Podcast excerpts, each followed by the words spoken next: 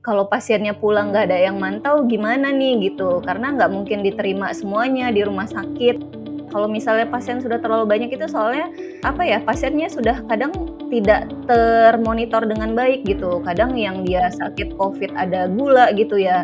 Harusnya gula darahnya malah makin bagus di rumah sakit bukannya makin bagus malah makin berantakan gitu. Gara-gara udah nggak kepegang lagi gitu Uh, kalau yang memang sudah apa ya sering ya kayak misalnya dokter-dokter yang emang di IGD gitu ya atau dokter-dokter penyakit dalam dan paru itu kadang memantau itu bisa 15 pasien. Itu seorang ada juga tuh yang sedih juga suami istri dirawat karena covid ya anaknya itu kecil. Kalau saya tidak salah tuh umur 8 sama umur 5 tahun itu ditinggal berdua di rumah dan yang dan yang menolong itu diantarin makanan oleh tetangganya gitu.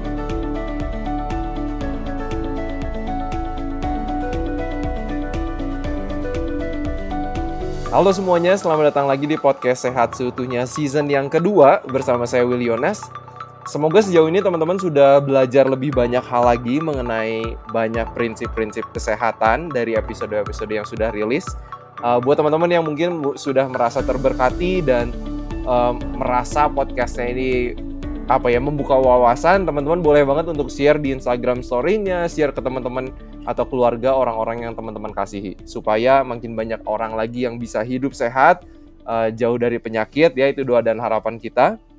Nah episode podcast kali ini kita mau highlight pejuang-pejuang tenaga kesehatan kita di Indonesia selama pandemi COVID-19 uh, memang kita ini lagi rekaman uh, di bulan September ya pertengahan September. Uh, memang saat ini kondisi pandemi uh, lebih membaik dibandingkan bulan Juli kemarin. Uh, tapi mungkin ini banyak sisi yang kita belum lihat ya dari pejuang-pejuang tenaga kesehatan. Mungkin teman-teman udah banyak lihat juga di berita ya. Uh, tapi dengan hadirnya mereka banyak sekali nyawa yang bisa terselamatkan. Uh, dan saya uh, menjadi aware belakangan ini uh, bahwa ada satu inisiatif yang namanya isomantau atau isolasi mandiri yang dipantau ya. Nah, ini dipantau oleh dokter dan tenaga kesehatan pastinya. Uh, bayangin aja ketika bulan Juli kemarin rumah sakit penuhnya penuh banget uh, orang yang sudah positif ngantri untuk dapat kamar dan untuk uh, mendapatkan bantuan. Uh, tapi dengan adanya isomantau justru uh, mereka bisa dipantau di rumah dan semoga episode podcast kali ini teman-teman juga jadi tahu, aware mengenai isomantau, uh, tahu aksesnya gimana cara mendapatkan pelayanan ini seperti apa, supaya kalau tiba-tiba ada keluarga atau kerabat atau teman-teman yang membutuhkan kita tahu ya. Nah, narasumber kita hari ini adalah seorang dokter spesialis penyakit dalam yang adalah penanggung jawab program Isomantau ini. Program ini dari lembaga Mercy atau Medical Emergency Rescue Committee. Jadi kita bakal ngobrol juga nanti ini organisasi apa, udah ada sejak kapan, ya menarik banget. Uh, pastinya organisasi kemanusiaan dan untuk latar belakang dokter uh, yang naras menjadi narasumber hari, hari ini juga, beliau ini tamat spesialis penyakit dalamnya dari Universitas Indonesia. Jadi tanpa menunda-nunda waktu lagi, saya mau welcome Dr. Tasikuru Rizka, SPPD. Selamat sore, dokter. Selamat sore, Mas Willy. Gimana kabarnya, dok? Uh, ya, alhamdulillah sehat saya. Sehat ya. Nah, gimana nih ini? Iya, iya, sehat. Abis sekarang kita lagi rekaman di bulan September. Uh, gimana nih, dok? Pandemi COVID kan ini udah lebih membaik, udah bisa tarik nafas nih, dok, kira-kira? Iya, sudah. Udah jauh sangat berkurang ya dibandingkan Juli, September ini. Aduh, kebayang ya kemarin dokter ini sibuknya kayak apa ya dok ya? iya benar-benar, lumayan. Oh, ini uh, keren banget dokter. Uh, aku juga baru aware jujur, aku baru tahu iya, program isomantau dari Mercy ini juga belakangan banget. Uh, kalau mungkin aku udah tahu dari uh, tahun lalu ya 2020 mungkin aku juga bisa kasih tahu orang yang membutuhkan gitu. Tapi ini semoga hari ini teman-teman yang lagi dengar podcast juga jadi tahu nih program Isomantau dari Mercy. Nah dok mungkin boleh cerita sedikit dok Mercy Mercy ini apa nih dok? Iya, jadi Mercy ini uh, singkatannya kan Medical Emergency Rescue Committee ya. Jadi dia adalah sebuah organisasi sosial kemanusiaan yang bergerak dalam bidang kegawat daruratan medis. Nah, Hmm. tujuannya ini sebenarnya pelayanan medis untuk korban perang ya, kekerasan akibat konflik, kerusuhan, kejadian luar biasa, bencana alam baik di dalam maupun di luar negeri. Dan kita itu memang uh, prinsipnya itu uh, untuk yang the most neglected dan the most vulnerable. Jadi yang rentan dan yang uh, nggak terabaikan gitu ya. Nah, uh, dan ini sudah berdiri dari tahun 99. Sebenarnya cikal bakalnya itu waktu kerusuhan Ambon tahun 99 itu ada mahasiswa-mahasiswa dari FKUI ya yang Hmm. uh, bergerak uh, ke Maluku karena waktu itu uh, kalau saya dengar dari pendiri ya uh, Hmm. dia datang ke sana dan orang-orang itu sangat sulit mendapatkan bantuan yang cepat gitu. Jadi akhirnya Hmm. uh, berdi apa muncullah ide untuk mendirikan organisasi yang netral, yang bergerak cepat, mobilisasi tinggi gitu. Hmm, Jadi berdirilah Mercy, iya. Dan ini ini masih uh, apakah ini di bawah FKUI atau ini udah kayak atau atau misah itu? Uh, terpisah, cuman memang pendirinya awalnya dari mahasiswa-mahasiswa UI ya waktu itu. Oke. Heeh. I see, I see. Oke, keren keren banget nih, Dok. Uh, organisasi-organisasi ini yang saya selalu angkat topi ya dengan uh, organisasi-organisasi seperti ini untuk mena- menolong sesama manusia gitu, Dok ya. Nah, ini, Dok, Iya. kalau program isomantau atau uh, memantau orang-orang yang uh, kena COVID dan isolasi mandiri di rumah, ini dimulainya dari kapan, Dok, inisiatifnya? Apa dari 2021 atau udah dari 2020 sebenarnya? Iya, jadi uh, sebenarnya program Isomantau ini kita sudah berjalan dari tahun 2020. Waktu 2020 itu kan awal COVID itu ada di bulan Maret ya, kalau saya tidak salah itu tanggal Hmm. 2 Maret. Waktu itu yang ditunjuk jadi rumah sakit rujukan adalah Sulianti Saroso, Persahabatan, dan RSPAD. Uh, Hmm. tapi lama-kelamaan uh, ternyata pasiennya makin banyak ya. Dulu kan Hmm. skemanya itu masih OTG, ODP, dan PDP kalau masih ingat ya. Uh, apa, Udah uh, tahun lalu itu ya? Iya, jadi tuh pasien-pasien yang dulu batuk pilek sesak uh, itu kan kita diagnosisnya ODP dan PDP. Tapi terkadang kan ODP ini atau PDP yang uh, sangat ringan ya, itu kan Hmm. sebenarnya bisa untuk dirawat di rumah ya sebenarnya. Tapi kalau dia dipulangkan, siapakah yang memantau dia gitu? Jadi Hmm. uh, awal mulanya itu karena kita memang uh, banyak yang sekolah juga di RSCM dan kita melihat fenomena uh, dan bekerja juga ya kita itu beberapa ada yang bekerja juga. Jadi Hmm. kita melihat, waduh ini kalau pasien yang ODP sama PDP kita pulangin, uh, dia statusnya kan belum ketahuan nih beneran COVID atau enggak. Zaman dulu kan Hmm. uh, keluar hasil itu bisa enam hari, bisa dua minggu Betul, gitu betul. ya. Lama banget. Nah, heeh, jadi kalau pasiennya pulang nggak ada yang mantau gimana nih gitu, karena nggak mungkin diterima semuanya di rumah sakit gitu ya. Jadi Hmm. akhirnya uh, kita uh, memantau pasien-pasien yang dipulangkan dari RSCM waktu itu. Yang dipulangkan dari Oke. RSCM yang statusnya ODP, PDP yang tidak perlu dirawat, eh, kita eh, dapat data pasien ya, kemudian kita Hmm. hubungi gitu. Kalau dulu jadi kita kayak jemput bola gitu, gitu. Jadi kita Hmm. hubungi gitu ya. Eh, kemudian kalau misalnya udah keluar, misalnya setelah tujuh hari keluar tuh hasilnya, kita kasih tahu pasiennya. Kalau misalnya hasilnya positif gitu ya. Kalau dulu kan Hmm. eh, harus PCR-nya berulang kali berulang kali gitu ya. Jadi kita Hmm. eh, memastikan dia isolasi dengan baik lah ibaratnya seperti itu. Kalau misalnya ada perburukan, kita sarankan untuk ke rumah sakit. Nah, waktu itu Hmm. kan COVID eh, akhirnya pemerintah juga geraknya cepat ya membuka rumah Iya. sakit darurat Wisma Atlet, kemudian Hmm. beberapa RSUD itu juga dibuat menjadi rumah sakit rujukan ya. Contohnya kayak rumah sakit Pasar Minggu, Pertamina Jaya yang di Hmm. Cempaka Putih gitu ya. Itu akhirnya eh, dan kasus juga eh, belakangan mulai turun tuh. Jadi kita sempat stop nih programnya di bulan Juli kalau saya tidak salah. Heeh, karena Nah, membaik gitu ya?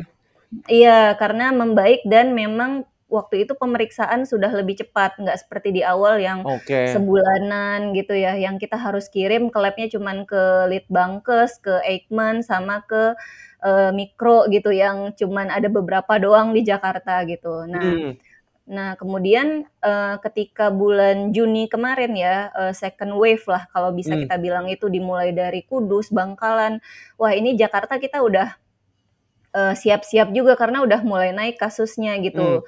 Terus kita juga melihat uh, lumpuhnya bagaimana di Kudus waktu itu ya, misalnya pasien-pasien uh, datang semuanya ke rumah sakit, padahal kan sebenarnya COVID ini tidak perlu yang uh, gejala ringan atau tanpa gejala itu ke rumah sakit, karena kalau Hmm. misalnya yang gejala ringan atau uh, tanpa gejala ikut ke rumah sakit, akibatnya rumah sakit tuh penuh dan tidak tepat gitu. Karena kan Hmm. sebenarnya yang perlu dirawat itu adalah yang gejala sedang dan berat gitu. Dan Hmm. kalau misalnya sudah terlalu banyak pasien, uh, itu akan timbul uh, mortalitas komunal, efek domino jadinya. Jadi ibarat kata Hmm. uh, karena rumah sakit itu udah penuh di mana-mana, jadi pasien-pasien lain, contoh misalnya yang sakit-sakit yang tidak COVID pun sulit mendapatkan rumah sakit gitu. Makanya kita Bener. akhirnya uh, membuatlah isomantau ini agar mentriase ya. Jadi mentriase itu memilah-milih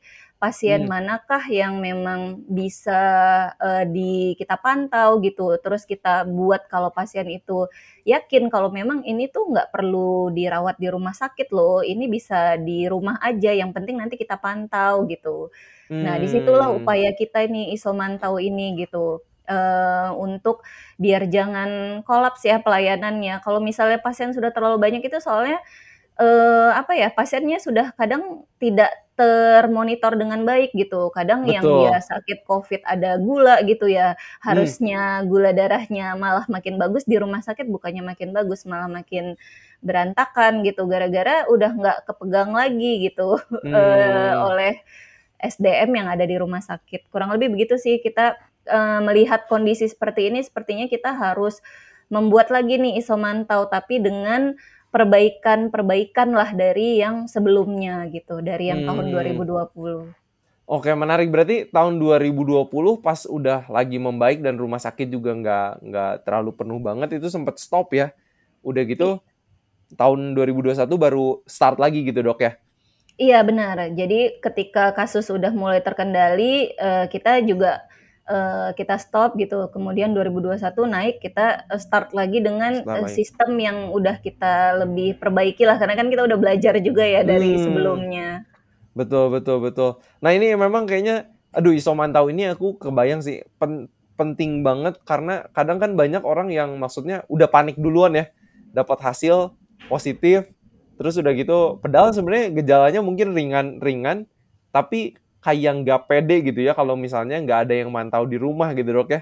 Iya benar. jadinya aduh penting penting banget nih. Uh, mungkin teman-teman yang lagi dengar podcast mungkin bisa relate gitu sama ini. Mungkin ada yang uh, udah mungkin uh, terkena covid atau keluarganya mungkin bisa relate banget gitu soal sama ini ya.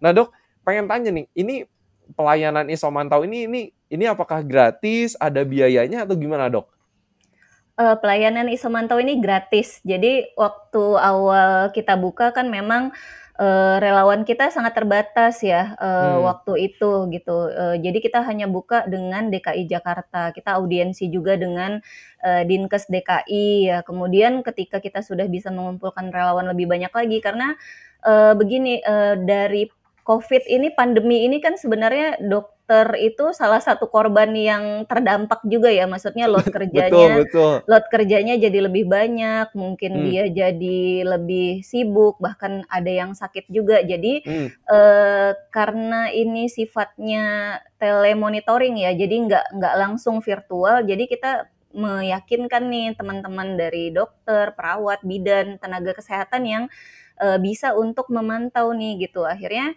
eh, kita ajak ya eh, bisa membuka layanan ini akhirnya di bulan Juli itu udah ke seluruh Indonesia dan ini Hmm. gratis sama sekali tidak berbiaya gitu. Wow, ini keren banget nih, keren banget eh, semuanya dilakukan eh, pelayanannya for free dan ini berarti semua volunteernya juga ini benar-benar emang volunteer ya dok ya? Maksudnya apa ya ya nggak nggak dibayar gitu ya Iya benar. Jadi volun kalau keanggotaan Mercy itu memang unpaid volunteer ya. Jadi, eee, Hmm. kita harus bedakan relawan sama pekerja sosial. Pekerja sosial itu kan orang yang bekerja di, eee, ini apa, eee, lembaga sosial gitu ya. Betul. Kalau volunteer ini dia memang relawan. Jadi kita ini adalah orang-orang bisa dibilang profesional mungkin ya. Jadi semuanya punya kesibukan masing-masing Hmm. ya, eee, yang jadi dokter ya dokter, yang perawat juga perawat, yang bidan juga berjibaku, tapi kita, eee, niat sama-sama meluangkan waktu kita minimal sekitar 15 menit untuk memantau pasien-pasien secara virtual setiap harinya, gitu. Oke, tadi dokter bilang berapa menit, Dok? Kurang sebenarnya sih, eee, fleksibel ya. Jadi misalnya Oke. kalau dia lagi pegang, eee, 2 pasien, 3 pasien, karena kan kita tidak memaksakan ini gitu, semampunya Mmm. dokternya misalnya mampu megang 15 silahkan. Mungkin kalau dia 15 pasien, tentu waktunya akan lebih banyak gitu ya. Tapi kalau misa waktu yang harus diluangkan gitu ya. Mmm. Nah, kalau misalnya, eee, dokter tersebut mungkin lagi sibuk, nggak apa-apa, kita kita yang penting, eee, asal mau aja gitu. Jadi kalau Mmm. misalnya bisa 10 menit silahkan, karena ini telemedicine dan kita itu, eee, nggak apa ya, eee, cuman seperti kayak temenan di WA tapi bersama pasien gitu. Jadi Iya nggak iya iya. nggak nggak nggak formil-formil banget gitu. Jadi kadang Mmm. kalau saya suka gitu bangun tidur kan jam-jam 6 pagi tuh saya langsung tanya, "Selamat pagi Bu, hari ini kondisinya gimana?" Jadi saya nge-WA pasiennya aja. Kadang kalau memang, Mmm. eee, saya udah kasih tahu juga gitu kalau misalnya ada sesuatu yang darurat boleh telepon saya, saya bilang seperti itu. Jadi Mmm. sebenarnya tergantung dari dokternya nyamannya seperti apa nih yang memantau. Ada juga yang sukanya nge-Zoom nih, misalnya dia punya 5 pasien nge-Zoom sebentar setiap hari gitu. Mmm, oke. Jadi Mhm. dengan style masing-masing ya? Iya benar benar, dengan style masing-masing, se disesuaikan dengan kemampuan dan, eee, ke apa ya, kenyamanan dari si dokternya sendiri. Kalau saya lebih cenderung kayak sama temen ya itu ya kalau ke Iya iya iya pasien-pasien, iya. heeh. Apalagi Wah kalau yang masih muda-muda gitu, "Gimana hari ini kondisinya?" Gitu aja gitu. Jadi benar-benar kayak teman gitu. Iya iya iya, nggak kerasa bukan kayak dokter sama pasien di ruangan gitu ya? Iya, benar benar. Nah, dokter kalau dokter sendiri atau yang dokter lihat ya dari semua relawan ini, paling banyak se seorang tuh sampai megang berapa banyak sih, Dok? Eee, kalau yang memang sudah, eee, apa ya, sering ya, kayak misalnya dokter-dokter yang emang di IGD gitu ya, Mmm. atau dokter-dokter penyakit dalam dan paru itu kadang me memantau itu bisa sampai 15 itu seorang. lima Wow. belas pasien, iya. Tapi kalau misalnya yang, eee, apa, eee, mahasiswa jadi gini, kemarin itu kita berpikir nih, eee, wah ini sebenarnya pandemi ini kan bencana. Jadi kita itu Mmm. memang kalau untuk ke taraf ideal itu sulit gitu ya, pasti Mmm. substandar. Misalnya kalau ada bencana, eee, banjir gitu kadang, eee, hancur semuanya. Jadi kadang rumah sakit lapangan aja bisa dibuat gitu kan untuk tempat Mmm. operasi gitu. Jadi kita berpikir seperti ini, mmm, untuk bisa menjangkau seluruh Indonesia kita perlu banyak, sangat banyak relawan. Akhirnya, Mmm. eee, saya audiensi juga tuh mengajak adik-adik dari tim bantuan medis di Fakultas Kedokteran. Eee, kebetulan, eee, dapat sambutan juga nih dari mereka, karena mungkin mereka juga selama pandemi ini kegiatan volunteer mereka juga gitu banyak yang nggak berjalan. ya? Iya, betul. benar. Akhirnya, eee, kita ajak karena kan mereka udah punya basic kedokteran ya, udah punya Mmm. basic, eee, ilmu kedokteran, bahkan ada yang koas, ada yang lagi dokter internship gitu. Mmm. Itu kita latih dulu gitu, kita kasih pembekalan, sesudah kita kasih pembekalan, mereka ikut bersama kita menjadi volunteer untuk, eee, apa, memantau pasien-pasien ini gitu. Oke, wow keren keren. Keren nih justru melatih generasi selanjutnya yang akan menjadi dokter juga untuk jadi relawan dari sekarang ya. Sebelum tamat Iya. juga udah jadi relawan nih, keren nih, Dok. Dok, sebelum kita lanjut lagi nih, eee, sebelum, eee, ngobrol lebih lanjut, kira-kira kalau misalnya ada yang sampai membutuhkan layanan ini, eee, itu itu aksesnya gimana, Dok? Iya, jadi kalau untuk apa, eee, program Isomantau ini memang kita sudah sebarkan di medsos Mercy ya, surat kabar Mmm. juga, kemudian radio, kemudian kita, eee, di grup-grup, uh, apa di grup-grup kita gitu di HP gitu kita minta teman-teman kita sebarkan gitu. Hmm. Nah nanti di situ tuh sudah ada jadi nomor call center kita. Jadi nanti ketika pasien yang memang uh, mau ikut isomantau itu bisa menghubungi call center nanti akan diterima oleh admin.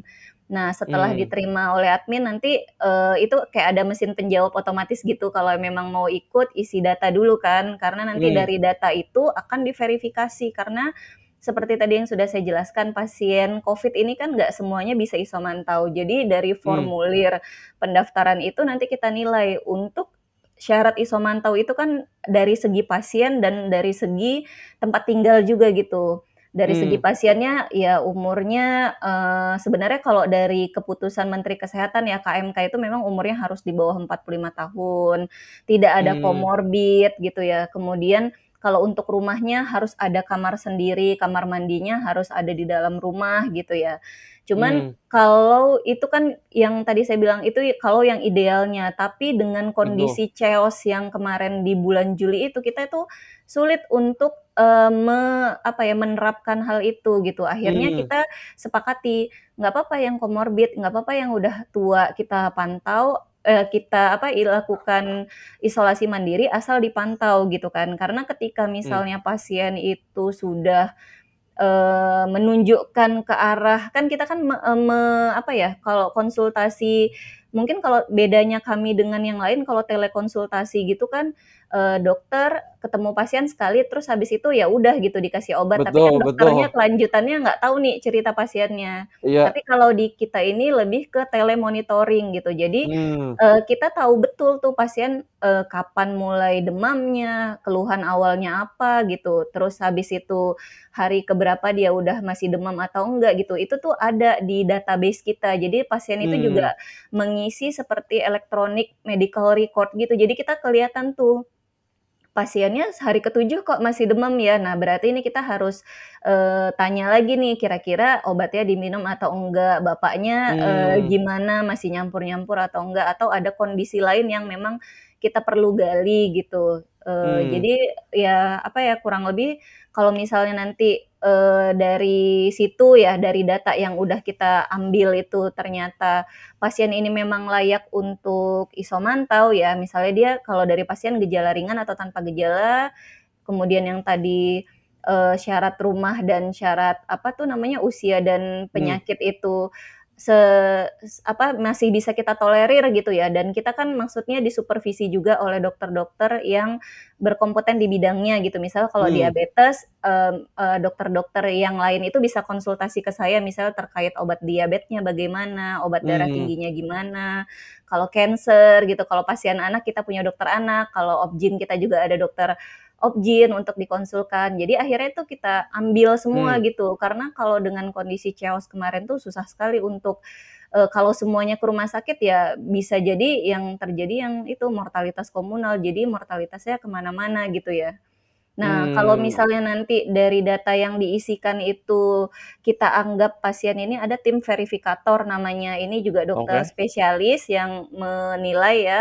Hmm. Kemudian nanti ketika sudah dinilai uh, kalau layak untuk dilakukan uh, isomantau nih, nah nanti kita sampai apa kita ada apa ya ada sistem gitu ya nanti kita klik pasiennya layak nanti admin melihat kalau misalnya dia layak untuk dilakukan isomantau e, nanti admin akan menyerahkan pasien itu misalnya diberi ke dokter A gitu untuk dipantau hmm. kalau misalnya dia ketangkep ternyata udah ada keluhan sesak aja dia ngisi atau mungkin di rumahnya tidak ada kamar sendiri ya otomatis tidak bisa dilakukan isolasi mandiri. Nah, nanti admin hmm. akan menjelaskan kenapa pasien ini tidak layak untuk isomantau misalnya karena sudah ada keluhan sesak. Sesak itu gejala hmm. sedang jadi harus ke rumah sakit gitu.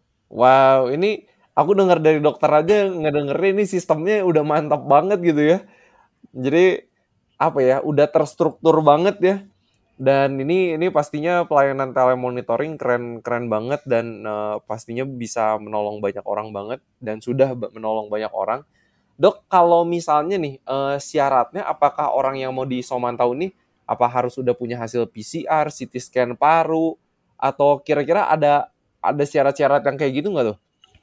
Uh, enggak, jadi syarat syaratnya itu sebenarnya Eee, untuk pasien konfirmasi Covid itu kan memang boleh menunjukkan PCR ya, untuk yang Hmm. tanpa gejala wajib PCR, karena kan kita tidak bisa Oke. menentukan kan kalau misalnya dia Covid atau bukan. Tapi kalau untuk yang bergejala dengan antigen saja sudah cukup, gitu. Karena kan memang Mmm. dari WHO juga Desember 2020 juga kalau bergejala antigen positif itu sudah Covid konfirmasi. Di Indonesia itu Mmm. diadap diadaptasi itu kalau nggak salah saya bulan Februari ya, itu juga antigen bergejala sudah boleh dianggap positif. Jadi tidak perlu CT scan, tidak perlu PCR semuanya ya, Ah, kecuali oke. yang tanpa gejala nih, memang nggak mungkin kita melihat itu tanpa PCR. Mmm, oke oke. Nah Dok, tadi dokter eee, kalau misalnya tadi yang pas chaos kemarin gitu ya, ada yang comorbid, misalnya udah punya diabet, udah pakai obat diabet, eee, kalau misalnya orang-orang yang dipantau di rumah masing-masing ini, kalau sampai butuh obat gimana nih Dok? Ngasih resepnya, mmm, atau mereka akses cari obatnya gimana tuh? Iya, jadi kita tanyakan dulu pasiennya, jika memang pasiennya kesulitan, misal dia hanya tinggal sendiri, tidak ada orang lain gitu ya, Hmm. itu kita bisa kirimkan obatnya sesuai dengan kebutuhannya gitu. Oh, Heeh, tapi dikirimin kalau juga? iya, tapi kalau misalnya pasiennya ternyata sekarang kan, eee, udah banyak yang tahu ya, misalnya, eee, dia langsung dia kadang nanya, "Ya udah Dok, saya beli aja obatnya pakai Halodoc ya, pakai aplikasi yang lain-lain gitu ya, Mmm. yang online gitu." Kadang ya juga kita terserah aja, tapi kalau misalnya pasiennya nggak mampu, dia tinggal sendiri, itu bisa kita kirimkan obat-obatan yang sesuai dengan gejala pasien gitu, yang sesuailah. Misalnya Ah. kalau dia diabet, ya kita tambahin obat diabet gitu. Iya iya iya, bener. Nih dengan ada pelayanan apa, eee, ya ada Gojek, ada Grab, eee, Iya. ini mempermudah juga sebenarnya Dok ya. Maksudnya bener. membantu ya, proses pengiriman obat bahkan Obat. gitu ya. Iya, bener. Keren keren, bener bener, itu perlu dimanfaatkan juga tuh. Nah Dok, kalau yang pasien-pasien yang ikut, eee, isomantau ini yang dokter temukan, itu itu kondisinya gimana sih? Apakah ada yang misalnya udah baru ngontak itu misalnya kondisinya udah agak parah atau, mmm, mungkin kayak kondisi ekonominya gimana, tinggalnya di daerah mana, kira-kira gimana tuh Dok? Iya, kalau untuk kondisi ya pasien ya, derajatnya itu dari yang tanpa gejala sampai yang udah, eee, menghubungi itu udah saturasinya 80, 70 Mmm. sampai 80 itu pernah kita dapatkan ya. Tapi, Wow. eee, kita, eee, tidak bisa tentunya ya, karena kan kalau sudah sesak itu sudah harus dirawat di rumah sakit ya. Mmm.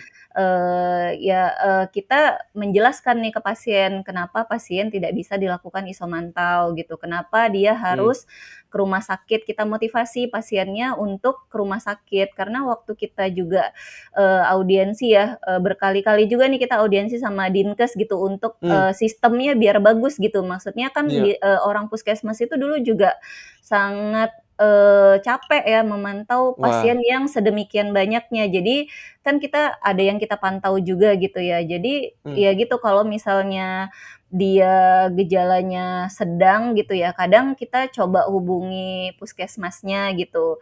Tapi sebenarnya Mmm. arahan dari Dinkes itu sendiri, eee, jika ada yang gejala sedang sampai berat itu, eee, itu memang, eee, merek eee, apa ya, dari Dinkes juga mengakui sih, memang sistem rujukan untuk pasien gejala sedang berat ini juga memang belum ketemu nih formulanya yang baik gitu ya, yang yang Mmm. ideal gitu. Jadi, eee, tetap kita, mmm, sarankan ke pasien yang kondisinya berat harus ke rumah sakit gitu. Alasannya kenapa, walaupun dia punya oksigen, kenapa dia masih harus tetap ke rumah sakit gitu. Kita motivasilah sambil, eee, karena kita Mmm. kebetulan ini dokter-dokternya banyak yang di Jakarta ya, eee, atau kalau di Medan tuh juga ada, di, Mmm. Solo dan di Jogja itu kebetulan juga ada, eee, jadi kita sesuaikan nih, misalnya saya kerja di rumah sakit Y gitu ya, terus, eee, rumah wilayah kerja pasien ini ternyata Mmm. deket-deket situ, apa bisa nih, eee, pasiennya ditolong untuk diterima gitu. Jadi kami sesama relawan pun juga saling,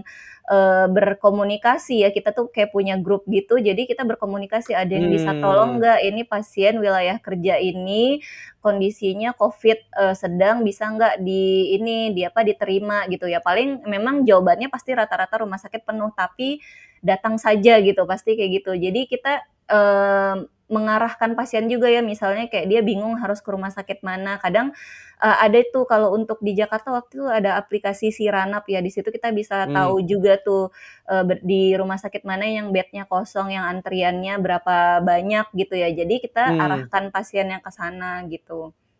Oke, Nah, I dia ada yang, eee, itu yang gejala berat ya, sampai tanpa gejala ya. Kemudian kalau dari sosial ekonomi sih sebenarnya dari yang, eee, meneng apa, yang, eee, bawah sampai yang atas gitu, eee, tapi memang Semua banyak kalangan aja ada iya, gitu ya? heeh, semua kalangan ada. Kalau untuk apa tuh namanya, untuk, eee, variasi variasi dari pasien-pasiennya ini, kurang lebih sih kayak gitu. Mmm, oke. Nah, Dok, pengen tanya nih dari pasien-pasien yang, eee, ikut isoman tahu gini gitu ya, eee, kira-kira berapa banyak, Dok, yang misalnya, eee, sembuh, berapa banyak yang yang meninggal gitu? Ada juga nggak yang misalnya sampai meninggal walaupun pertamanya misalnya gejalanya ringan gitu? Iya, eee, jadi nih kalau un total ya pasien yang sudah kita pantau itu sekitar 500-an ya, Mmm. eee, sudah selesai apa, eee, selesai isolasi hampir 90%-nya ya.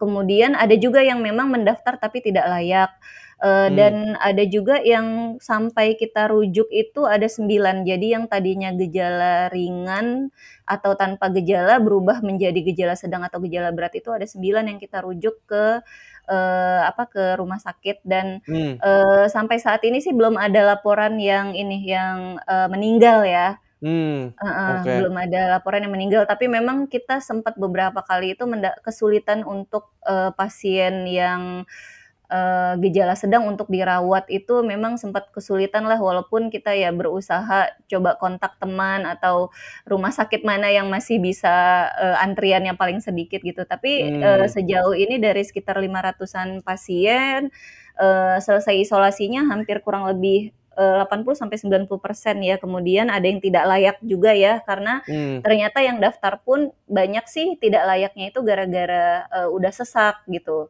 Terus, Mmm. eee, yang akhirnya hilang kontak juga ada beberapa, kemudian yang dirujuk itu kita tercatat ada 9 dan yang meninggal, eee, sampai saat ini tercatat belum ada. Wah, aduh bersyukur banget ya. Bersyukur banget nih ternyata, eee, yang selama ini dia tolong ini ya, belum ada yang dapat kabar meninggal ya, dan Iya. sembuh gitu mayoritas dan wah bersyukur bersyukur. Nah, Dok, kalau yang dokter lihat ya dari, eee, menangani, eee, pasien Covid, s dipantau online gitu ya.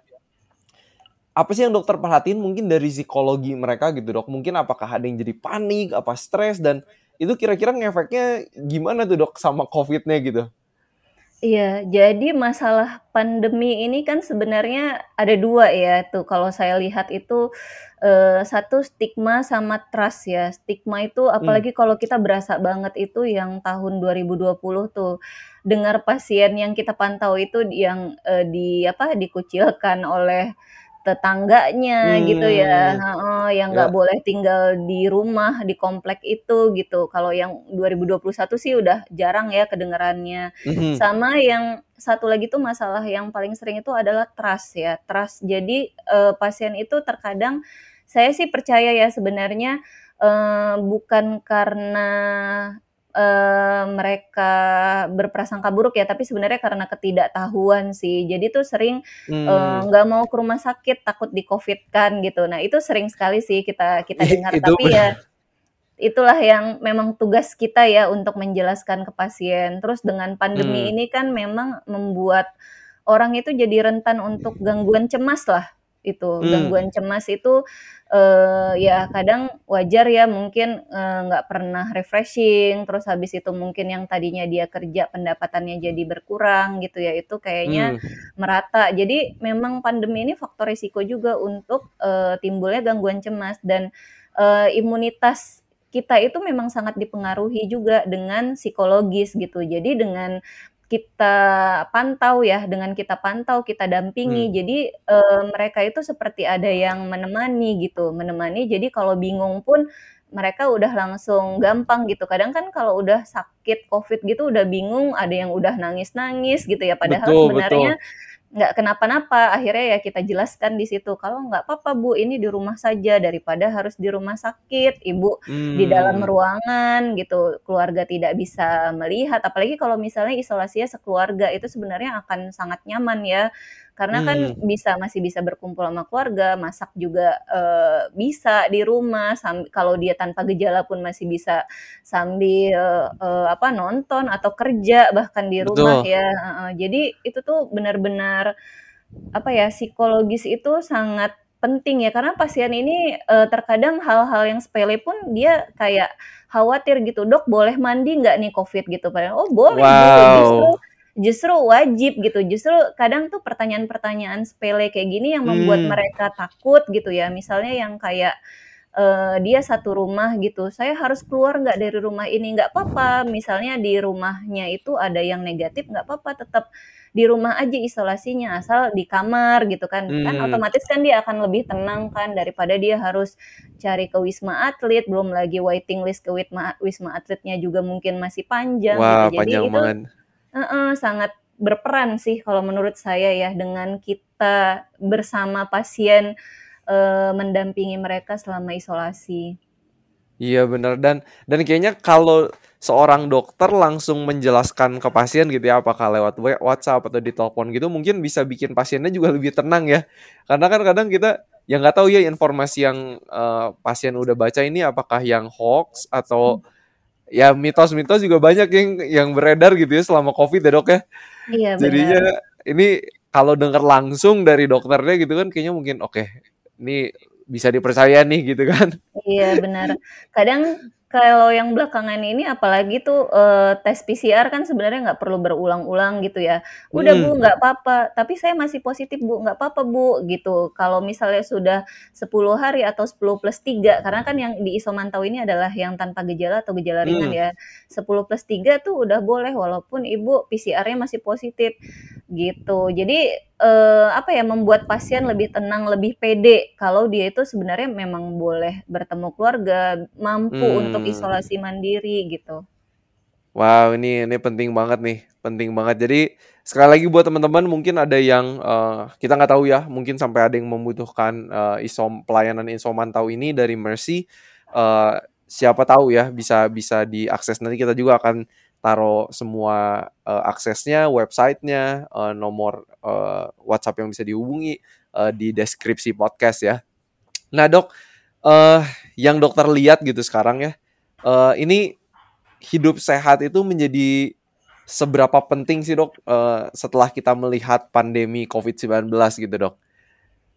Iya, uh, hidup sehat ini sebenarnya kan harus ya sebenarnya ya, hmm. bukan karena COVID aja kita juga harus hidup sehat ya, karena dengan hidup sehat, uh, otomatis, uh, apa ya, daya tahan tubuh bagus gitu hmm. ya. Terus habis itu, uh, pola hidup sehat itu kan menunjang aktivitas kita juga sehari-hari ya. Dengan hmm. pandemi ini juga mungkin orang jadi aware kalau sesimpel cuci tangan itu tuh sangat bermanfaat ya. Jadi kita hmm. tuh kadang jadi sejujurnya saya sendiri pun kalau jadi dokter saat ini tuh jadi lebih uh, apa ya maksudnya eh, nggak uh, sembarangan uh, apa cuci tangannya gitu. Jadi benar-benar hmm. yang habis ngapain gitu cuci tangannya harus yang lebih benar gitu. Kadang kan kalau zaman dulu kayak sering lupanya gitu ya. Kalau sekarang betul, tuh betul. jadi jadi lebih kebiasaan. Mungkin yang COVID uh, kemudian dia berjemur gitu ya udah jadi kebiasaan itu juga nanti malah jadi bagus juga kan mungkin yang tadinya hmm. pada kurang vitamin D terpapar uh, matahari 15 menit tiap hari uh, jadi bagus gitu ya dapat yeah, dapat yeah, yeah. vitamin D alami gitu ya uh, dan dengan hidup sehat ini kan juga bisa mencegah penyakit-penyakit yang lain gitu. Misalnya ya penyakit-penyakit uh, kronik gitu ya yang lain. Hmm. misalnya dia dengan uh, menjaga pola makan gitu sejak covid gitu. Misalnya hmm. udah pernah aduh nggak enak ya sakit itu gitu. Jadi keinget tuh oh, akhirnya menjaga pola makan. Ya sebenarnya impactnya itu memang ada positif dan negatifnya. Yang positifnya salah satunya itu sih. Jadi kita jadi hmm. lebih uh, aware ya terus lebih peduli juga uh, meningkatkan imun kita juga kemudian ya penyakit-penyakit kronik dan lain-lain itu yang mungkin sehari-harinya kita nggak peduli dengan kita hmm. misalnya pernah sakit atau pernah berada di situasi misalnya keluarga kita yang sakit gitu ya. Jadi kita lebih peduli ya, lebih lebih apa ya, lebih uh, ngena mungkin ya kalau Mhm. kalau ini buat kita. Bener bener. Iya iya iya, karena aku perhatiin juga kalau kalau aku karena di Bandung, eee, ini sejak Covid justru malahan yang naik sepeda lebih rame daripada sebelum Covid gitu.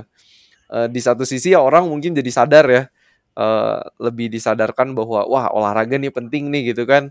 Pengen mengurangi resiko terhadap Covid, comorbid mungkin yang udah ada atau, eee, kelebihan berat badan juga menjadi salah satu faktornya. Tapi menarik ya dari di Covid ini Dok ada yang maksudnya WFA WFH terus atau study from home terus, eee, ada yang, eee, berat badan malah naik, ada yang malah jadi sehat juga gitu ya. Iya iya, bener. Ini buat teman-teman yang lagi denger podcast, eee, nggak tahu teman-teman masuk yang mana, tapi semoga justru pandemi ini men apa ya, bikin kita lebih alert ya, lebih sadar bahwa ternyata hidup sehat itu penting, eee, bukan cuman pas lagi pandemi gitu ya. Nanti kalau misalnya pandemi sudah selesai, eee, ya kita harus terusin juga gitu gaya hidup sehat ya. Nah Dok, mmm, kira-kira ada nggak sih cerita yang yang mengharukan gitu buat dokter dari, eee, pengalaman melakukan isomantau gitu Dok? Iya, eee, sebenarnya kalau untuk yang mengharukan ya, eee, dari pasien-pasien yang, eee, gejala sedang ya, yang susah mendapatkan rumah sakit ya, kemudian pada akhirnya, eee, padahal tuh kita tuh kayak udah, "Aduh ini gimana dong, masih belum dapat rumah sakit juga, udah dapat rumah sakit pasti tapi masih antrian, nggak boleh di nggak boleh numpuk di rumah sakit."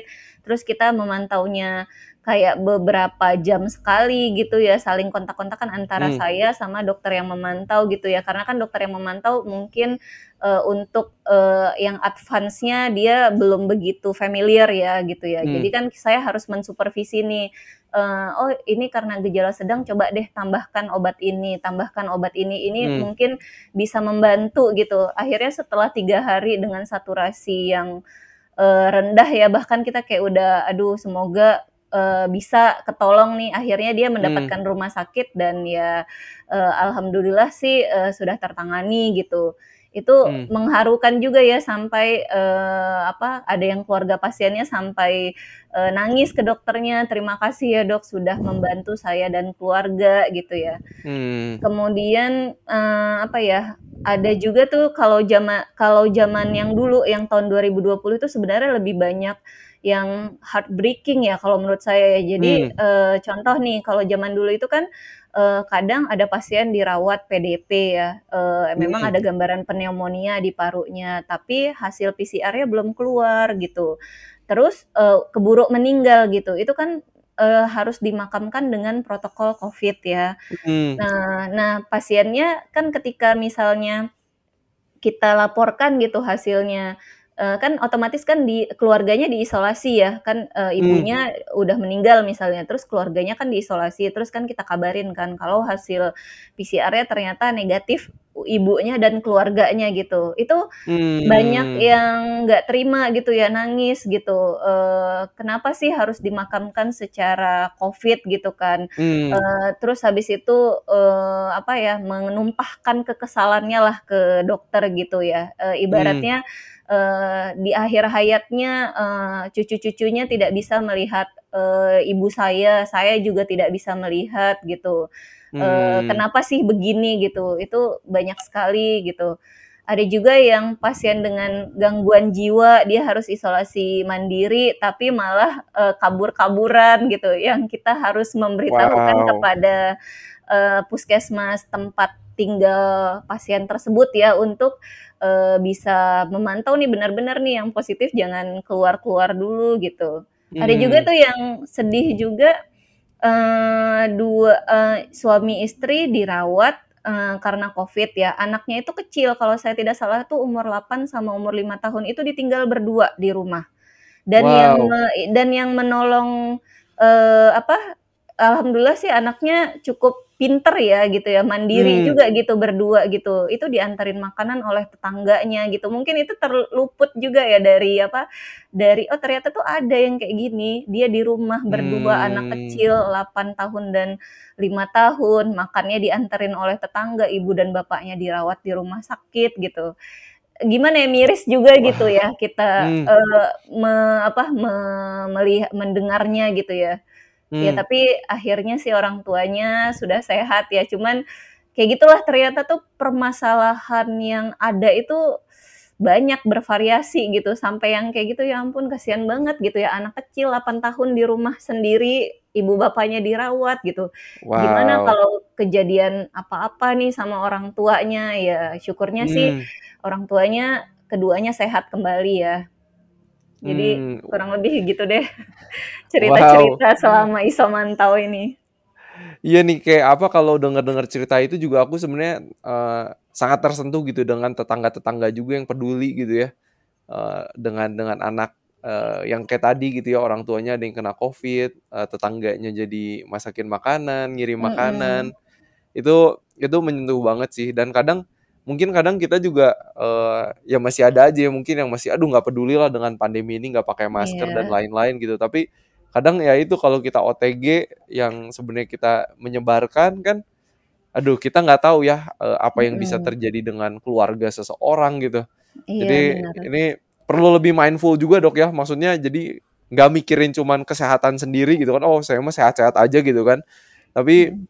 dengan yang orang lain nih kita juga harus harus ikut pikirin wow ini menarik banget dok uh, dok ini pertanyaan mungkin yang yang uh, terakhir yang aku pengen tanya ke dokter yang mungkin masih banyak orang juga bertanya-tanya gitu ya.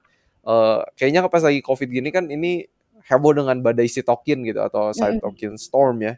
Nah ini sebenarnya apa sih dok dan kenapa kenapa ini terjadi gitu?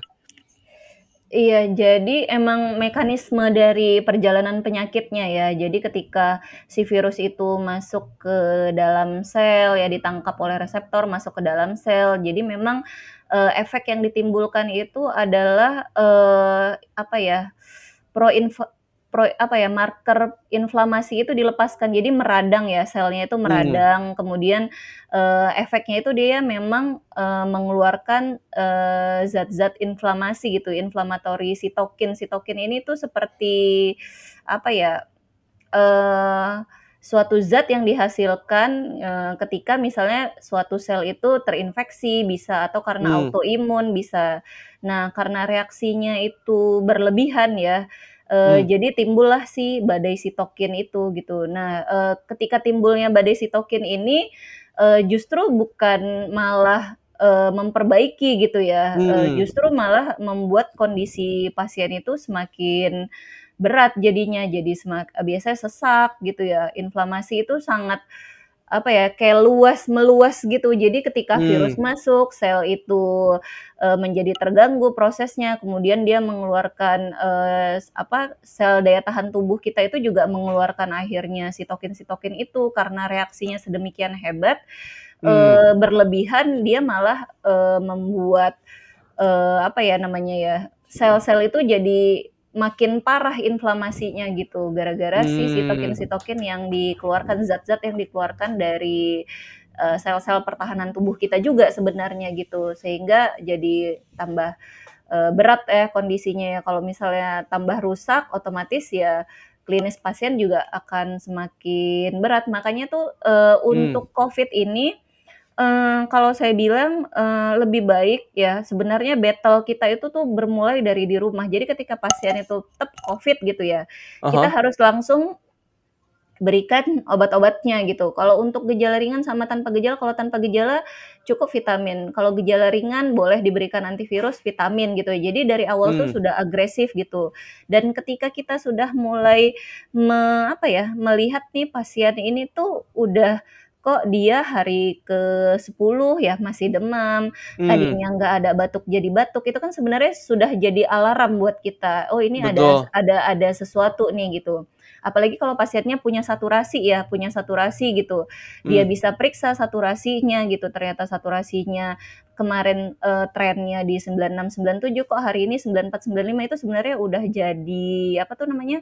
Udah jadi alarm juga tuh buat kita. Nah, pasien-pasien yang seperti ini nih sebenarnya yang kalau cepat ke rumah sakit ya satu oke okay lah kalau mungkin kemarin itu lagi chaos banget mungkin hmm. di atas 90 mungkin nggak diterima di rumah sakit yang di bawah 90 hmm. mungkin yang diterima gitu ya.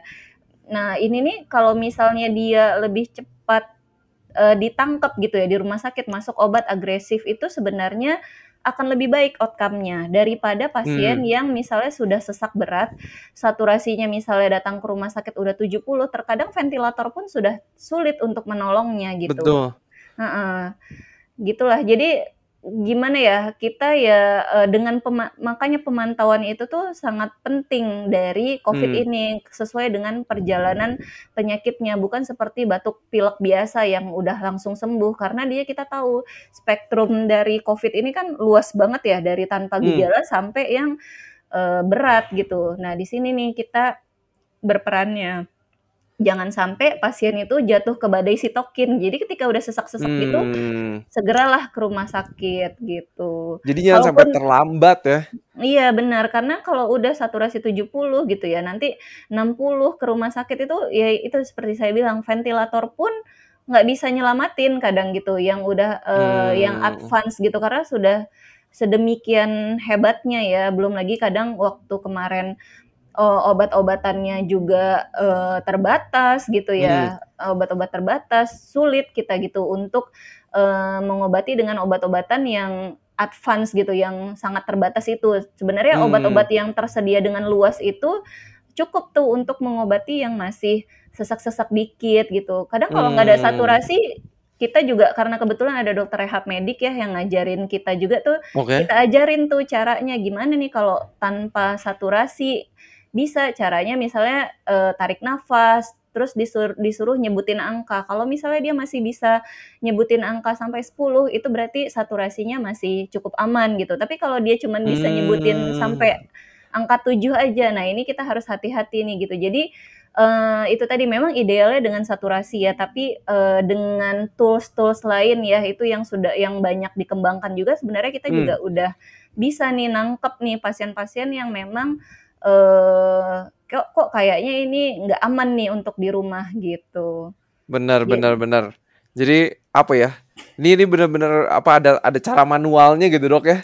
Iya gitu, tak ada rokan rotan atau akar pun jadi ya kalau kita tuh sekarang ka- sekarang itu mikirnya ya gitu misalnya kalau dokter udah cukup sibuk ya akhirnya kita gimana nih gitu kita perlu relawan yang banyak kalau kita mau seluruh Indonesia akhirnya Hmm. adik-adik yang kayak tadi adik-adik mahasiswa kedokteran gitu ya yang Hmm. kita ini yang kita didik gitu jadi memang Wow. sangat perlu kolaborasi ya kemudian ya masukan dan tentu juga ke ini ke pihak terkait ya seperti dinkes itu perlu sekali jadi ketika Hmm. pasien itu selesai isolasi kan eh, sekarang itu tidak perlu eh, menunggu PCR negatif untuk selesai isolasi kan tapi kan yang Hmm. penting mendapatkan surat selesai isolasi nah nanti pasien-pasien ini kalau untuk DKI ya yang memang kita sudah sangat eh, apa ya eh, koordinasinya udah saya bilang ideal lah gitu ya cukup baik Hmm. lah gitu jadi itu kita bisa mengontak puskesmasnya bahwa pasien ini sudah kami pantau nanti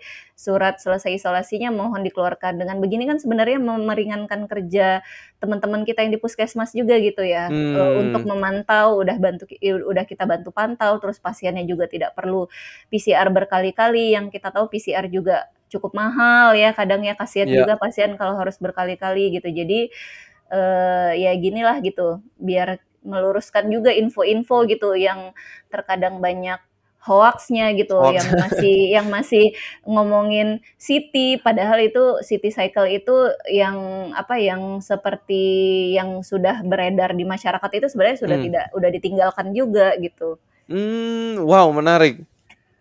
Oke oke. Jadi ini kalau misalnya emang ada yang membutuhkan, eh, memang isomantau ini kan langsung ditangani oleh dokter dan informasinya langsung dari dokter, jadi lebih bisa dipercaya nih daripada WhatsApp WhatsApp yang beredar gitu ya. iya Ini betul ini kadang aku perhatiin nih WhatsApp apa ya? Nggak tahu ya aku melihat kecenderungan orang tua untuk forward sesuatu di WhatsApp tuh gampang banget gitu. iya Kayak sekali belum itu baca saya isi alami sendiri Aduh, belum baca isinya apa, videonya ngomongin apa udah di forward forward gitu.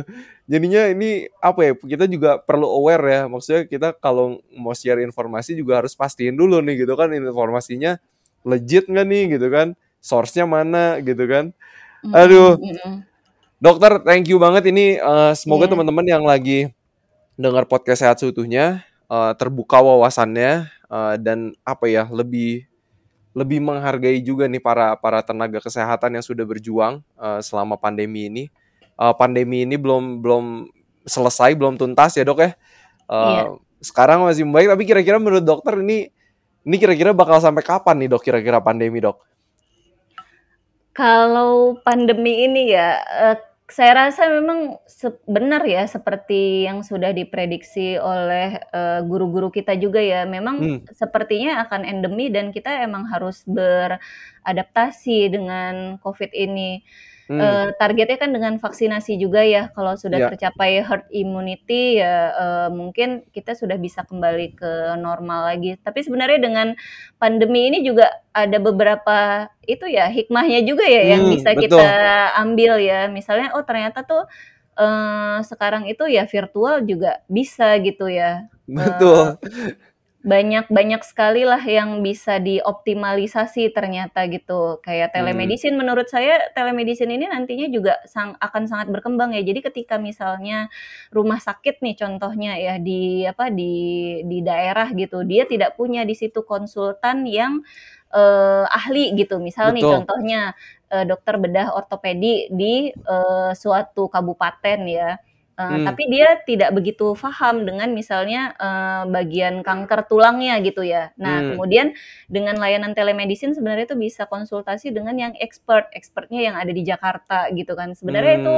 sangat ini ya. Kalau menurut saya ya, i, tapi tetap harus diperhatikan etikanya ya. Etika maksudnya hmm. uh, guidance-nya, uh, aturannya bagaimana gitu. Tapi sebenarnya hmm. kalau menurut saya ya ini uh, baik ya. Salah satunya dari COVID ini, oh ternyata kalau saya pikir kalau begitu ya dokter-dokter itu uh, bisa aja gitu dikonsultasikan dari dokter melihat pasien bersamaan gitu ya, dipandu hmm. oleh dokter ahli gitu. Iya. Uh, sebelum akhirnya misalnya dirujuk, jadi pasiennya misalnya nggak bolak-balik gitu, itu mungkin bisa ke depannya saya rasa itu salah satu manfaatnya mungkin. Benar-benar. Jadi sistem kesehatan di Indonesia pun jadi sebenarnya uh, bisa semakin bagus terus ya dok ya. Iya benar-benar. Oke oke. Dok kira-kira pesan-pesan apa nih yang dokter pengen sampaikan kepada pendengar podcast sekalian nih dok? Iya, uh, terima kasih ya untuk uh, pendengar podcast sehat seutuhnya ya.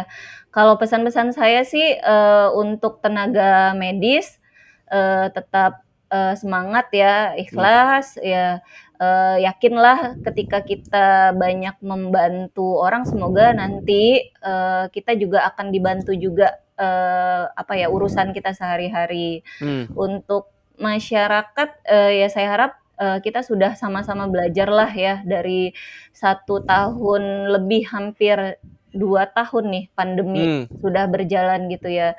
Uh, kita juga sudah kena dampaknya ya, mungkin bagi yang sudah ditinggal oleh keluarganya gitu ya. Jadi hmm. uh, tetap uh, ikut ikuti anjuran dari yang ahli gitu. Hmm. Uh, jangan jangan uh, sembarang percaya berita yang sebenarnya belum uh, benar ya ke ya. keabsahan dari berita itu gitu. Kemudian ya hmm.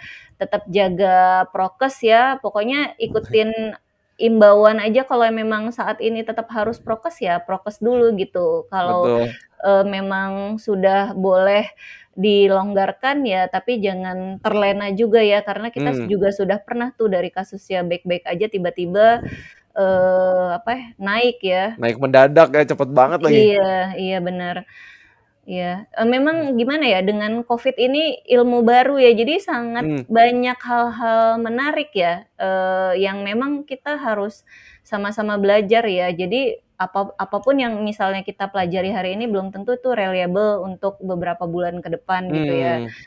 Um, ya semoga lah pandemi ini cepat berakhir ya. Dan saya pengen tuh uh, kita semua sama-sama merasa kalau ini adalah masalah kita. Jadi gotong hmm. royongnya bukan cuma tanggung jawab dari tenaga kesehatan ya hmm. bukan dari pemerintah aja tapi dari semua. Kayak bencana aja. Ini kan bencana nih bencana Betul. itu kan semua turut serta masyarakat bahkan kadang eh, apa anak-anak juga ikut membantu ya di suatu hmm. bencana gitu misalnya uh, semuanya ikut serta gitu ya dari pemerintah, masyarakat, uh, pemuka agama gitu ya Hmm. semuanya ikut serta jadi karena ini pandemi ya basicnya adalah pandemi jadi saya harap sih mungkin masyarakat kita bisa sadar kalau ini tanggung jawab kita bersama lah gotong royong sama-sama biar kita sama-sama bisa selesai cepat keluar lah dari pandemi covid ini Amin. Aduh.